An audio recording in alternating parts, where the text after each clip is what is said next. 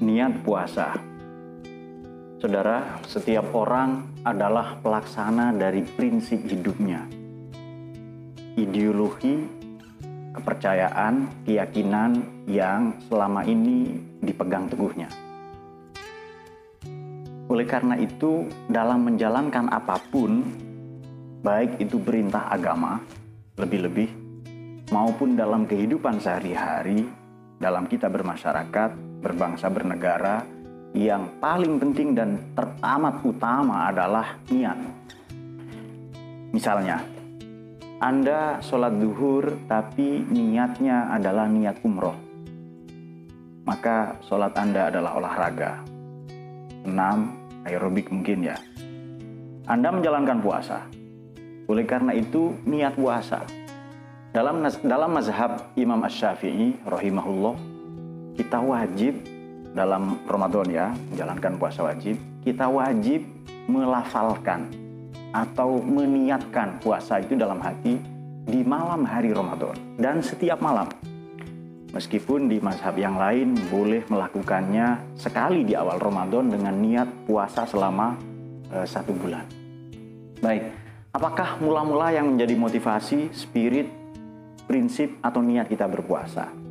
Mari kita ilustrasikan dalam beberapa fase atau tahapan. Mula-mula orang menjalankan kewajiban dalam hal ini Ramadan, puasa. Lazimnya seperti seorang budak. Ia hanya bekerja karena kewajiban, karena tuntutan, agar tidak disiksa.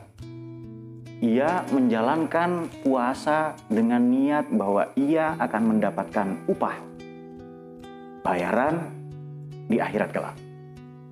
Yang kedua, kita bisa mengilustrasikannya, mengandaikannya dalam sosok pedagang. Apa yang dilakukan pedagang?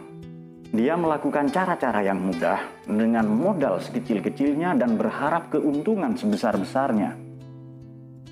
Demikianlah kalau kita berdagang, berbisnis dengan Tuhan. Kita berharap keuntungan bahkan tidak hanya di akhirat, di dunia. Kemudian yang ketiga, kita bisa mengilustrasikan niat itu lazimnya seperti seorang ibu kepada anaknya. Ia mencurahkan kasih sayang, mengasuh, mendidik, membesarkan.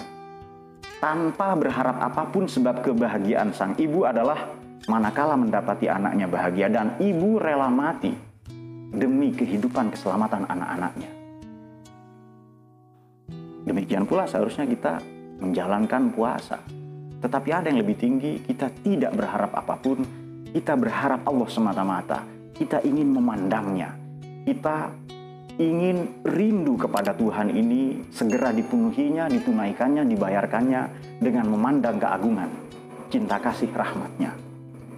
Oleh karena itu, niat menentukan cara, niat menentukan tujuan ini menentukan cara kita menjalani tujuan itu bagaimana.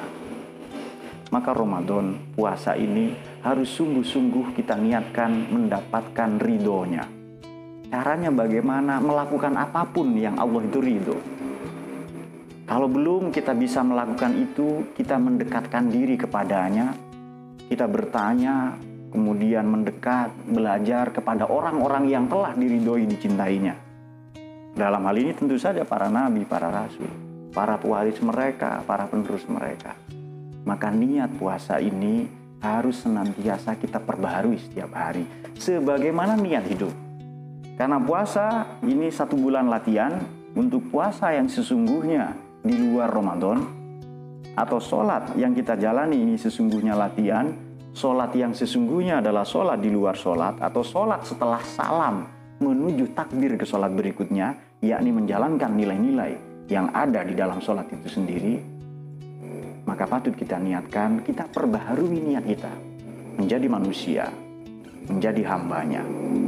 Dan dan yang tidak kalah penting, puasa ini rahasia terakbar. Rahasia paling besar antara kita dengan Tuhan. Kitalah yang memaknainya dan kitalah yang menjalaninya. Kalau boleh kita memberi satu saran, satu kalimat, puasa yang kita lakukan atau Ramadan kali ini seharusnya lebih bermakna daripada Ramadan sebelumnya dengan cara niat ingin menggapai ridhonya, dengan cara ikhlas tulus menjalankan itu semua semata-mata supaya Tuhan berkenan kepada kita dan bukan demi menyenangkan hati kita sendiri, demi membahagiakan kita sendiri. Oleh karena itu, puasa yang tidak kalah penting dimulai dari niat kita, sebab niat menentukan cara, niat akan mengantarkan kita kepada tujuan, dan dengan niat itu pula puasa kita insya Allah diterima oleh Allah Subhanahu wa Ta'ala. Sekian, terima kasih.